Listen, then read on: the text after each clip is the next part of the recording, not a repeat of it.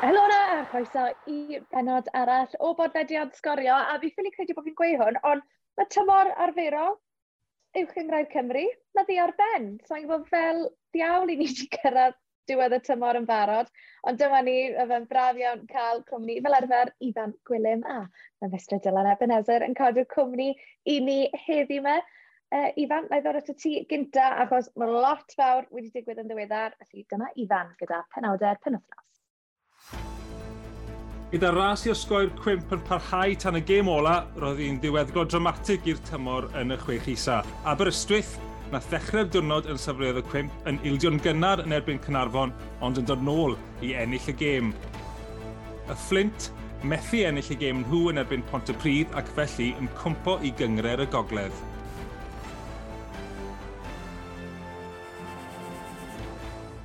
Ie, yeah, felly tata Ebus a tata Flint. Uh, fel Ifan a Del, fi'n gwybod mae Aberystwyth yn glwb sy'n agos iawn i'ch calonau chi. Del, na i ddod at y tu gynta. Am ddiwrnod geithon ni ar goedlan y parc. Fi ti'n cofio diwrnod mor dramatig o'n i, ble oedd just fel y pob gol yn mynd mewn, mewn yn Aberystwyth, ond hefyd yn y gêm rhwng Pontypridd a'r Flint, oedd i, just, oedd i bach yn bonkers. Oedd e'n anhygol, oedd e'n gret cael bod na, uh, teledu gwych, ddim yn gret yn nerfau, ond mae Ifan dengofio cwpl o benawdau, um, mae un o'n nhw'n ymwneud a beth ddigwyddodd yn hi Ifan dros y penwthnos. Felly ni ddim yn anwybyddu hynny. Come on, y penawd mwyaf, Ifan, deio Ifan wedi yeah. cael y byd. Ei, llon gyfechiadau, i chi'n iawn. Diolch Llon gyfechiadau. Ie, yeah, pa, pa gath ei enni bore dydd sadwn, o'n i'n meddwl, wel, o leia geithio e, e cwpl o oriau gyda Aberystwyth fel tîm yn uwch gyngor Cymru, ond gyreiddo ni getre yn ystod y gêm, a ti troi mlaen, a oedd hi'n ddwy yr un, a o'n i'n dal deio pan ath y gol Niall Flint mewn. So, o'n i'n uh, e, bwnsol lan lawr gyda, gyda deio yn ymreithio. Then, ie, yeah, pen wythnos, crazy i fi, really. So, ar, ar sawl rheswm. Cegredu. A'r penod arall, nes i gwrdd David Williams dros y penwthnos. As oh. you do. O na, yw celeb sport ni y penwthnos fyna. Mewn cystadleuaeth rygbi, oedd y mab yn chwarae i'w glwb, o gadw, dim ond deg o dew Freddy, ond yn, yn, yng Nghartre'r Gwyddelod yn Llundain, a yeah. David Williams na. Gyda'i fab e, fi'n gweld neu aelod o'r teulu, ti'n beth, oedd gwylio gemau, o ar y teg, a e llun dy Freddy. A dde, a dde, digon polite, digon serchog. Achos oedd pawb eisiau llun da fe drion. Felly fe, random. Ta beth, sori. Fi di uh, mynd off ar tangent yn syth ar y raglen. Di sadwn, oedd hi eitha dramatig, nag oedd hi, yn Aberystwyth. A, oh, gret, just gwych, gwych, gwych o ran cyffro, dim cysur i'r Flint. Ond na beth oedd diweddglo'r tymor. Nes i fwynhau mas draw. Diddorol i ddweud y lleia oedd hi. Oedd hi'n gret cael bod na. A i fan yr tro cynta eriod ble mae'r brwydr i ysgoed cwmp wedi mynd lawr, reit i ddiwrnod ola'r tymor yn uwch gyngrau'r Cymru fel cefnogwr Aberystwyth, fel o ti'n tymlo, ond hefyd, pa mor hyderus o ti cyn y gêm, ac sy'n cofio, twyd, o'n i wedi bod yn trafod yn y swyddfa yn ystod yr wythnos, yw Aber yn mynd i allu wneud i. O'n i'n convinced bod Aber yn mynd i fod yn ffain, ond o ti a Rodri sy'n cynhyrchu'r pod, ti hefyd yn cefnogi Aberystwyth, oedd y ddau o'ch chi ddim yn tymlo'n hyderus iawn. Na, na, o'n i ddim. O'n i wedi derbyn y ffaith. O, hyd yn oed wedyn ni, mi cynnes i garu neges i rhywun prynhawn disadwn ar ôl y gêm yn siarad yn byty ble bydd Aberystwyth yn chwarae yn y Cymru, South neu Cymru North, achos o'n i, o'n i dal yn coetio'n i sicr mewn bod nhw actually wedi osgoi'r cwib. Oedd e'n teimlo bach fel uh, diwedd y uh, grwpiau yn cwpan y byd, achos oedd e mor mental y ffordd nath e ddigwydd yn ystod y dydd, oedd e, fel ti'n gweud, y tro cyntaf oedd e fynd lawr i dynod ola. A nath e ddim siomi yn faint o ddrama nath e diwrnod creu hefyd. Oedd gyda fi pings mynd â ffôn fi a mhm. ar un adeg oedd Aberystwyth tu ôl a fflint ar y blaen, felly sefyllfa gweitha posib i Aberystwyth. A ffaith bod wedi dod nôl, mae fe'n... Ie, yeah, mae fe'n am ddwrnod i Aberystwyth? Mae jyst angen canmol nhw, mae rhyw deimlad rhyfedd o gwmpas y clwb. Bydd Owen Tedder Jones dyn ni yn hwlffordd ar gêm na, nath e weid bod nhw'n gallu gael jyst rhyw ganlyniad rhyfedd pan bod angen. A mae yna, a ni fel ti, Sioned, er, o'n i jyst methu gael nhw disgyn er bod yr holl hmm. dystiolaeth o'n blaenau ni yn awgrymu bod nhw'n mynd i ddisgyn. Hyd yn oed yn ystod y gêm, o'n i'n meddwl, bod rhywbeth yn y gwynt fel petai, bod rhywbeth yn mynd i newid hyd yn oed pan maen nhw ar ei hôl hi, a flint ar y blaen. E, oedd e'n mor dramatig, oedd e'n sioc, ond eto, chi'n gweld e'n dod, a fi dal ddim yn gwybod pam. Mae'n eich gael mol o, fi'n gwybod beth sy'n digwydd na'n ystafell newid, ond fel grŵp, tiod, lot o sôn am dim lot o'ch boes lleol ac ati, ond mae'r tîm wedi dod at ei gilydd, chwer teg. A hefyd, fi'n credu oedd y momentum yna oedd gyda Aber tuag at ddiwedd y tymor, oedd hwnna'n bwysig iawn. Fi'n gwybod, gaethon nhw tair gêm gyfartal, a fi'n credu eithon nhw ar rhywrediad o saith gêm heb golli, a fi'n credu o bosib mae hwnna di mynd o dan y reda ychydig hefyd, achos bydde hwnna di wneud byd o waniaeth o ran hyder y chwaraewyr. Ond mae rhaid ni sôn am Flint, Flint yn syrthio o'r gyngrair gyda Ebers. Dyl, o ran tymor Flint, beth, ble ti'n credu ath i, ath i'n drad moch yna?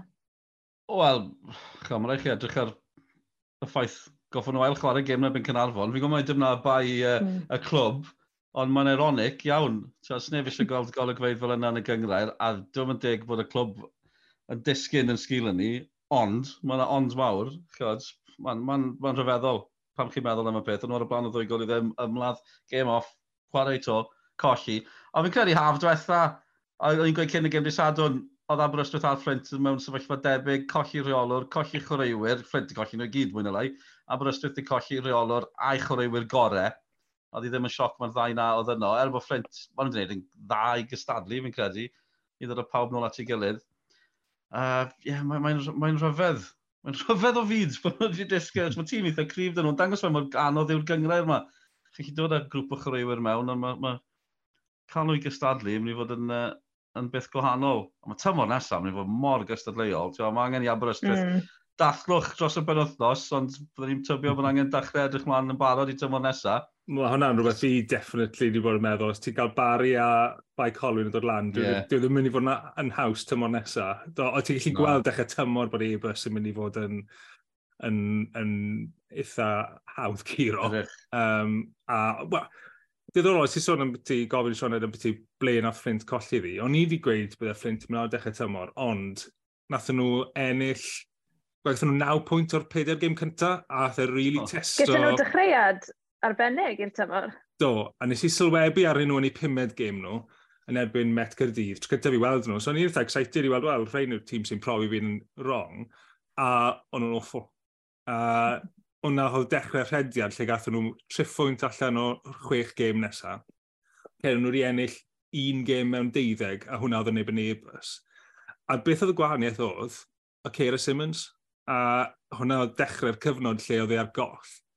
A fi credu nath nhw jyst dim delio gyda pyd o gallu chwarae gyda fe ar ei ore. Dyna fi'n credu, o, yn ytrach nawr ti'n gweld un pwynt mawr neu un gêm mawr nath newid yr holl drywydd, oedd e jyst y ffaith bod nhw wedi colli a Cera Simmons am cyfnod mor hir. Chi'n teimlo dros pobl o gwmpas y clwb sydd wedi gweithio mor galed i gael nhw lan i'r gyngrair, a mm. mae'n denu torfeidd da, mm. maen nhw'n ma gwneud i gorau na, wedyn, oh, ar ôl yr holl amdrech na, maen nhw'n ma nhw disgyn, ond ie, yeah, oedd i jyst yn, o'n i'n gweld i rhwng nhw ac Aber, falle Pont y Pryd, Pont y Pryd yn gwneud yn wych, yn eu tymor cyntaf i, i sicrhau bod nhw yno. Maen nhw'n mynd i gryfhau, fel ti'n gweud i fan, mae'n mor agos blwyddyn nesaf. Oedd jyst, oedd yn, oedd rhywbeth am bod yn Aberystwyth pram di sadwn a jyst cael dros mil yn gwylio a chi'n mynd, mm-hmm. ffantastig. Mae'n jyst yn dangos, a dim ble maen nhw wedi bod, achos chi'n methu beio pobl am, os mae'n jyst troi lan i weld yr un tîm yn colli yn erbyn yr un tîm eraill. So mae angen rhywbeth i ddenu pobl na, oce, okay, gêm i aros yn y gyngor oedd i, ond o'ch chi'n gweld bod y gymuned yn lleol, mae yna diddordeb, maen nhw'n poeni am y clwb, felly oedd e'n e ffantastig. Just cael nhw nôl i'r peth nawr, na gyfer, cael nhw nôl na. A bydde fe'n cymryd lot, bach o lwyddiant, bach o deimlad o gwmpas y clwb. So nhw'n disgwyl bod nhw'n cyrraedd y brig ac ystadlu am Ewrop un nhw, just bod na dîm cystadleuol na. A tiod, gobeithio allan nhw adeiladu ar hyn. Felly na nhw, gobeithio, tiod, mae pobl yn sôn am chreuwyr lleol, ydy nhw, no, bobl sy'n agos at y clwb, na ddim enwi fe, yn gweud, wel, y gym o'r crychwyr lleol di wneud i ni, yw gadael a mynd i glybiau eraill. Ond chi'n methu, be o'n nhw? So rwy'n yn cynnig gwell cytundeb i chi, neu i, i fi'n bendant. chi'n mynd i fynd. Tad, mae'n ma, dyn nhw'n boes ifanc, mae'n cael cynnig mwy o arian i fynd i glwb arall sy'n cystadlu tu ar brig. Mae'n no-brainer iddyn nhw. Mae angen rhywbeth i gadw'r boes ma'n yn y clwb yn Aberystwyth. Nes i fwynhau, um, cyfo Iwan Lewis wedi bod yn gret yno. Mm. Tiod, o fe'n ymuno haf diwetha, mae fe jyst wedi bod yn ffantastig. O'n i'n gweld, o'n i'n gweld wedi sadwn yn ganol cae, tiod, sôn am dim roi fyny a dal i wthio nhw. Mae'n bod yn lwcus cael fe o Litchfield o'r cygydfa. Felly mae'n anateb edrych lawr i'r... Pobl yn dwy'n chwaraewyr am yr ystwyth, felly allan nhw'n gwneud rhywun beth o'r Cymru North a Cymru South, felly.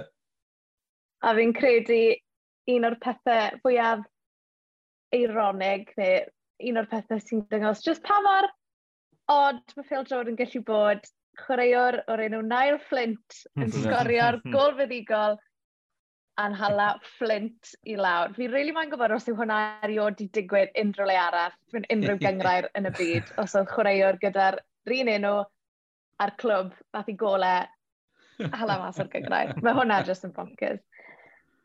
Ti'n gofio John, am... John Rexham yn sgorio i Henford na?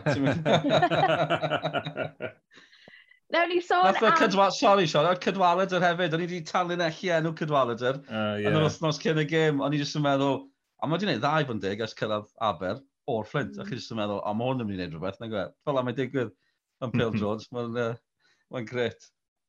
Nawr ni sôn yn goi am y chwech ucha, achos oedd na ddrama fyna ar ddiwrnod ola'r tymor o ran pwy oedd yn mynd i gwpla yn y trydydd safle.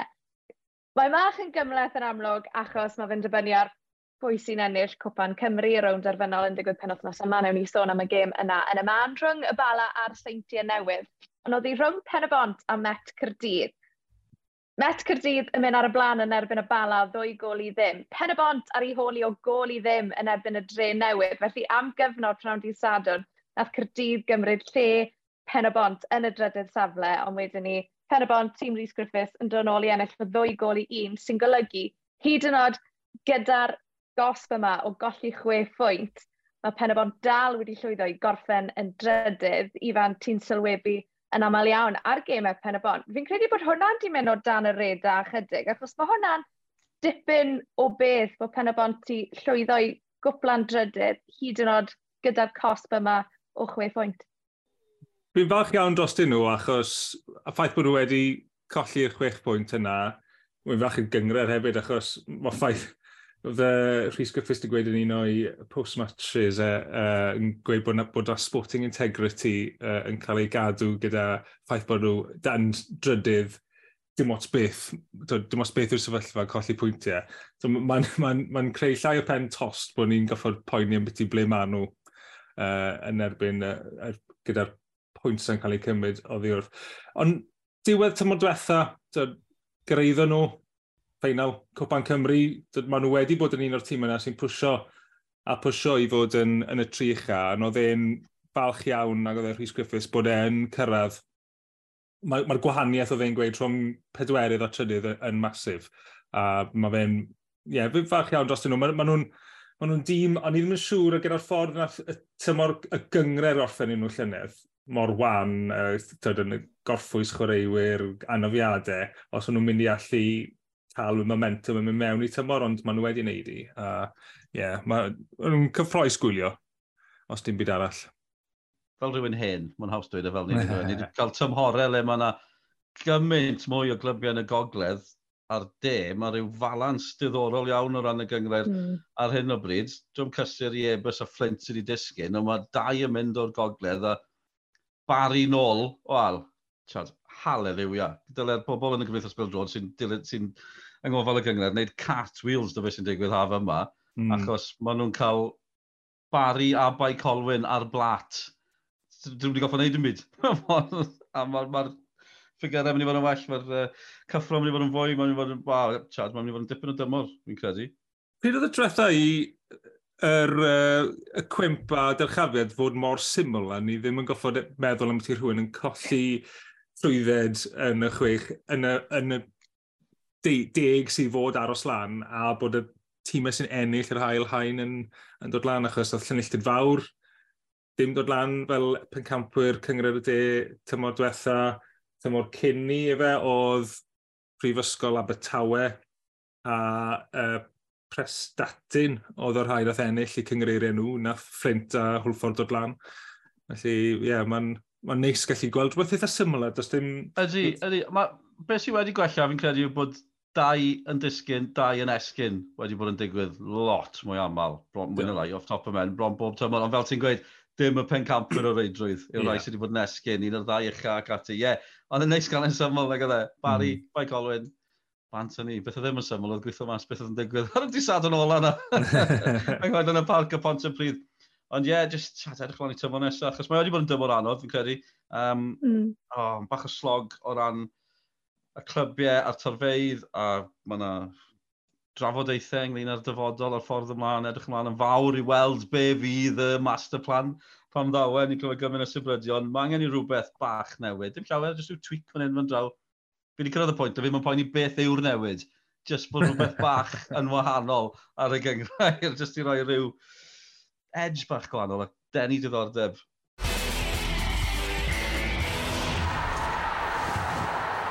Da bod i diwedd tymor de, Rhaid ni amser da i edrych nôl. Rhaid ni feddwl am ti un uchaf bwynt y tymor i ni mwy nag unrhyw beth arall beth sy'n sefyll mas i ti, Sioned. O, oh, un yn unig. Ie, yeah, please. Na fod yn harsh. Uh, anwybyddu beth ti'n arfer i fan. Uh, yn go iawn, nes, nes i joio di Sadwrn, oedd hi just, twyd, oedd hi'n fraint cael gweithio ar y gêm, a ie, yeah, bach o ben tos yn siarad gweithio mas be oedd yn mynd blaen a pwy oedd lan, pwy oedd lawr. Di sadwn yn gret a hefyd just torf Aberystwyth hefyd, oedd gweld ymateb y cefnogwyr ar ôl yn really lush. Um, nes, i, nes i joio ffeinal Cwpa Nathaniel, rhwng y Bala a Chei Cona, um, lot o drama yn y gêm na, cici ar smotyn uh, oedd hwnna ddiwrnod da. A nes i joio uh, rownd uh, yr wyth ola Cwpan Cymru, Perbont yn erbyn Tre Ffynon, oedd hwnna yn brynhawn eitha dramatig, pawb yn meddwl ar un adeg bod tryffynon yn mynd i achosi y yffan o sioc, ond pen y bont yn fuddigol yn y diwedd, ond ie, yeah, ner, ner gemau sy'n aros yn y cof o dymor yma. Fi'n dieddol o ddweud di sadwn, achos popeth ddigwyddodd, dim just fel rhywun o Aberystwyth bod nhw wedi aros fyny, ond fi ddim yn sentimental iawn. Felly, os o'n nhw'n disgyn, o'n nhw'n disgyn, bai nhw o dde. ond oedd y gymaint, fel pam chi'n tyd, fel rhywun sy'n dilyn y gyngrair ond hefyd fel job o waith pam ti mewn sefyllfa fel yna, mae un gêm yn digwydd o'ch blaen chi, mae rhywbeth arall yn digwydd mewn gêm arall. Fi ddim yn cofio bod yng nghanol cyffro fel a ers blynyddoedd. Oedd e'n rhyfeddol beth yn digwydd o'r sefyllfa newid, a ni wedi cyrraedd y sefyllfa hefyd, le mae'r dechnoleg i gyd yn gweithio, felly mae'n gol o bryd, mae'n cael ei dangos o fewn 30 eiliad yn ni ar, ar y sgrin, sy'n gret achos uh, dwi'n cwaith i fod mor syml o hynny ar dros y blynyddoedd. Na, a, a, fel cyfanwaith, falle, rhywbeth fel yna, a dde'n gred. A tra, i newid o'r gyngrair yma hefyd, fi wedi mwynhau gweld uh, beth sy'n digwydd yn uh, cyngred y de a'r gogledd, mae rhaid ni'n mynd mwy o fwy cystadleuol, ond i'n uh, eto, synicaidd iawn pan wnaeth yr ail strwythuro ddigwydd, ond i'n meddwl, mae jyst ail frandio a dim mwy o dde, ond mae newid y pyramid yn gwneud gwaniaeth mawr yn y cyngreiriau is, a chi'n gweld popeth mwy syml, popeth yn gweithio rhywsut, felly uh, mae, mae popeth yn mynd yn y cyfeiriad cywir, mae'n angen cic bach arall i, uh, i godi. Mae'n gymaint o potensial yn y gyngred. Mae'n just, just rhywbeth, rhywbeth bach arall. Fel roced Elon Musk, gan nhw ffrwydro cwpl o weithiau. And mae werth wneud y camgymeriadau. so, le fi mynd ar uh, disgrifiad yna. Na i fynd rhywbeth pethau ti, Sian, na i fynd am mwy na gyn. Um, un o'n oedd cyfweld Ryan Jenkins ar ôl i Met giro Seinti Newydd, a mae hwnna'n rhan o'n achos sneb yn curo Seinti Newydd. So, eitha braf rhaid ti gweud am ti pethau sydd angen newid yn y gyngred, Dylan. Um, Mae'r ma ffaith bod y seinti newydd yn ennill dro ar ôl tro yn gallu ni'n eitha diflas, so pan mae'r gêm yna'n dod lle maen nhw'n colli, mae fe'n eitha exciting a tillu gweld faint o dde'n meddwl i Brian Jenkins a gweddill tîm Met Cyrdydd bod nhw wedi wneud, a wedi wneud yn eitha cyffyrddus yn diwedd. Er bod nhw wedi bod tu ôl. Oedd, nhw wedi bod tu ôl, ond yn y diwedd, oedd nhw'n actually eitha cyffyrddus. Oedd bod yn y gantri wedyn ni gyda Tommy Morgan yw'r unig un arall, pan nath Matthew Turner oh. gol o'r Aberystwyth, sgorio'r gol i union ni yn erbyn Pont y Pryd yn hwyr. Y tro cyntaf fi erioed weld golwr sgorio'r ffaith bod e bod fi'n sefyll drws nesau i Aberystwyth Legend pan nath e ddigwydd. Ie, uh, yeah, gret.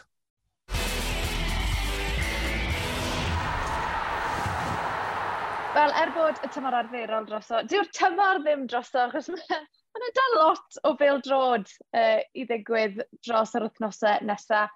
Mae'r gemau ail gyfle a hefyd mae rownd erfynol Cwpan Cymru yn digwydd dydd stil yma i ni'n fyw o Nantporth y Mangor y Bala yn erbyn y seintiau newydd. Um, Ifan, ar bapur, yn credu mae pawb yn disgwyl i'r seintiau ennill hon, ond os na siawns i Bala achos i sioc er bod nhw ar yr hydiad effernol yma ar hyn o bryd?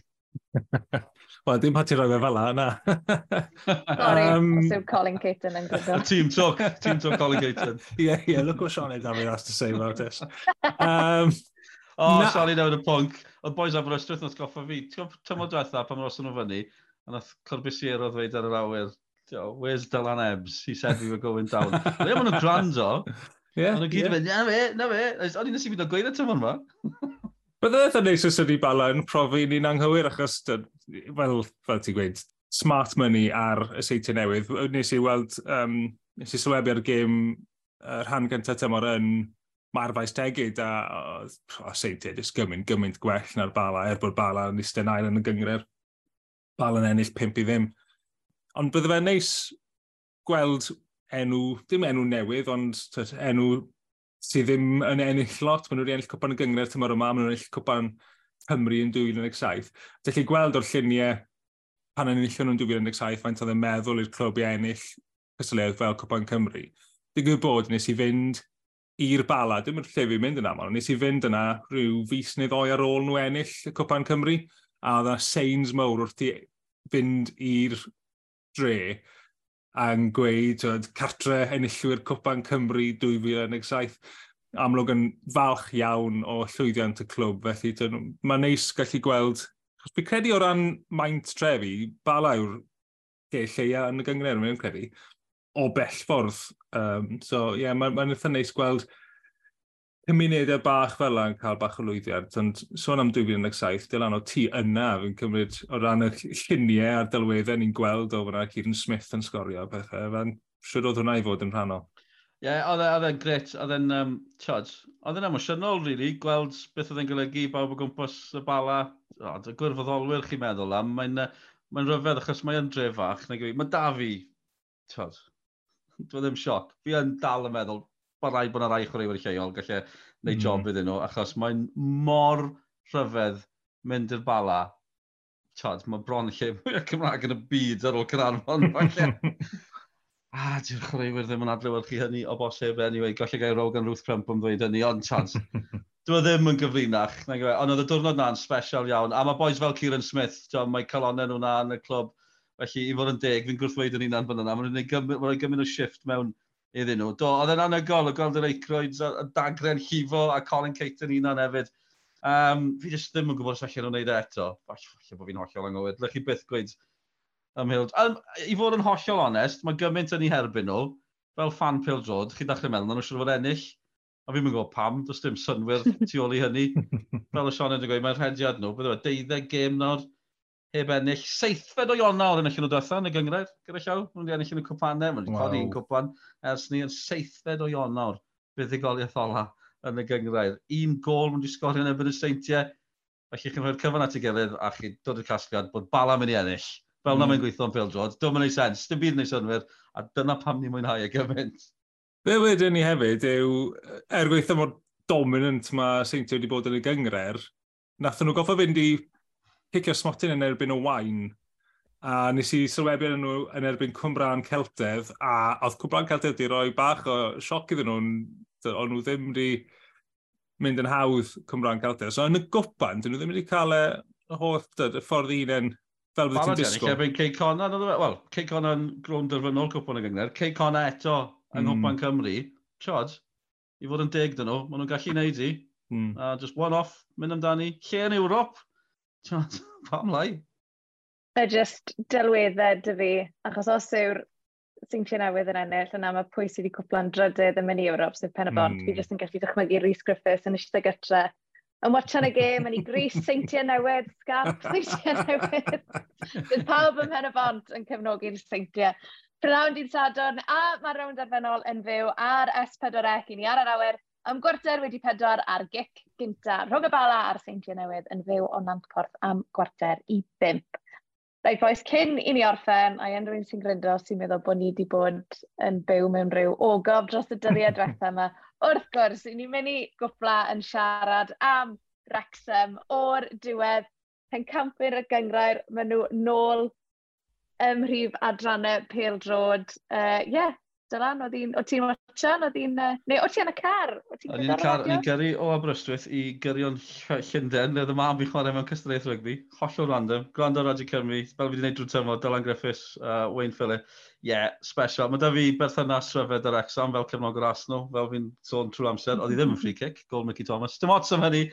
Oedd yn emosiynol iawn. A just gweld, uh, just ymateb pobl fi'n abod sy'n cefnogi nhw, rhai ar y cairas, rhai o ddim ar y cairas a, a chwiban ola na mynd, a just, tyd, y cyfan mm. yn dymas, yr holl emosiwn am 15 mlynedd. O'n i yn y gêm gyngrau'r ola uh, cyn i nhw ddisgyn. O'n nhw wedi disgyn, o'n nhw'n chwarae yn Lincoln, oedd ei cartre, a fans Wrexham na mewn gwisg ffansi yn gweud, o, byddwn i'n ôl mewn tymor, byddwn i'n taro yn ôl. Mae ma just yn gret bod nhw'n di wneud i. Fi'n gwybod mae Hollywood sy'n cael y sylw, ond mae nhw'n fwy na hynny, mae yna bobl di achub y clwb, mae yna bobl di aros gyda nhw. A hefyd, just fi'n parablu, ond yn tymor nes nhw ddisgyn, oedd y tymor cyn hynny, ath i lawr i'r gêm ola, Gartneb yn Boston, a fi'n cofio bod yn y cair as Nick Parry sylwebu, a nhw'n aros i fyny, a just, dyw'r gefnogaeth yma ddim byd newydd, maen nhw wastad wedi cael cefnogaeth. Oedd na filoedd na diwrnod ni, 2007, fi'n cofio Nick Parry'n gweud, mae hwn yn fwy na clwb, mae fe'n rhan o weiad cymdeithas, a fi'n ein gwglo beth mae gweiad yn golygu. Fabric, rhan o'r tchod, a just, maen nhw'n glwb mawr wastad wedi bod. Mae wedi cymryd bach o Hollywood i gael nhw'n ôl na, ond um, fel mae pawb wedi gweud, bach o dechrau yw hyn. Fi ddim yn cyn ar y mesgau o'n clwb busnes yma, mwy na chlwb, ond mae yna rhywbeth uh, special o gwmpas uh, y cair as ar un o bryd. O'n ni cytuno gyda y cefnogwyr yna, a mwy na'r anghofio am ydy'r pwy sy'n berchen y clwb nawr, ond y, y cefnogwyr sydd wedi bod yna through thick and thin, a pa beth fel ati. Dyna, dyna sydd yn edrych ar lluniau o disadwn, beth sydd yn really neis gweld. Mae yn had yng nghyfraith i fe ar, ar y meic yn, ar y cairas. Um, so dde na disadwn, um, wedi gweld be mae'n meddwl i bobl fel fe, fe lot o deulu yn cefnogi Wrexham, felly ie, yeah, nhw, y pobl sydd wedi goffo wneud yr had, had yards yn, yr, yn y gyngred cenedlaethol. So, oedd pobl yn sôn, oedd y brontes gen i'n tymor, o'r gyngred yma, cyngor mm. genedlaethol Lloegr, oedd pobl yn trafod am dylen nhw ymuno a uwch gyda'r Cymru. Byddai'n bod yn gret cael nhw, ond uh, ne, ain't happening. yn amlwg, ond na le o'n nhw wedi disgyn, ond oedd nhw yn disgyn go iawn, felly mae cael nhw'n ôl na. Mae wedi cymryd Hollywood, fi'n gweud, ond tiod, mae wedi cymryd dros cant o bwyntiau, cant o goliau, mae Notts County yn nhw wyth. Oedd hi'n neis gweld Robert Ryan, mae nhw'n gweud, yn canmol Notts County y pethau hefyd, yeah. so falle bod yn mm. gawslid, ond... O, mae boys na'n gwybod beth maen nhw'n neud hefyd.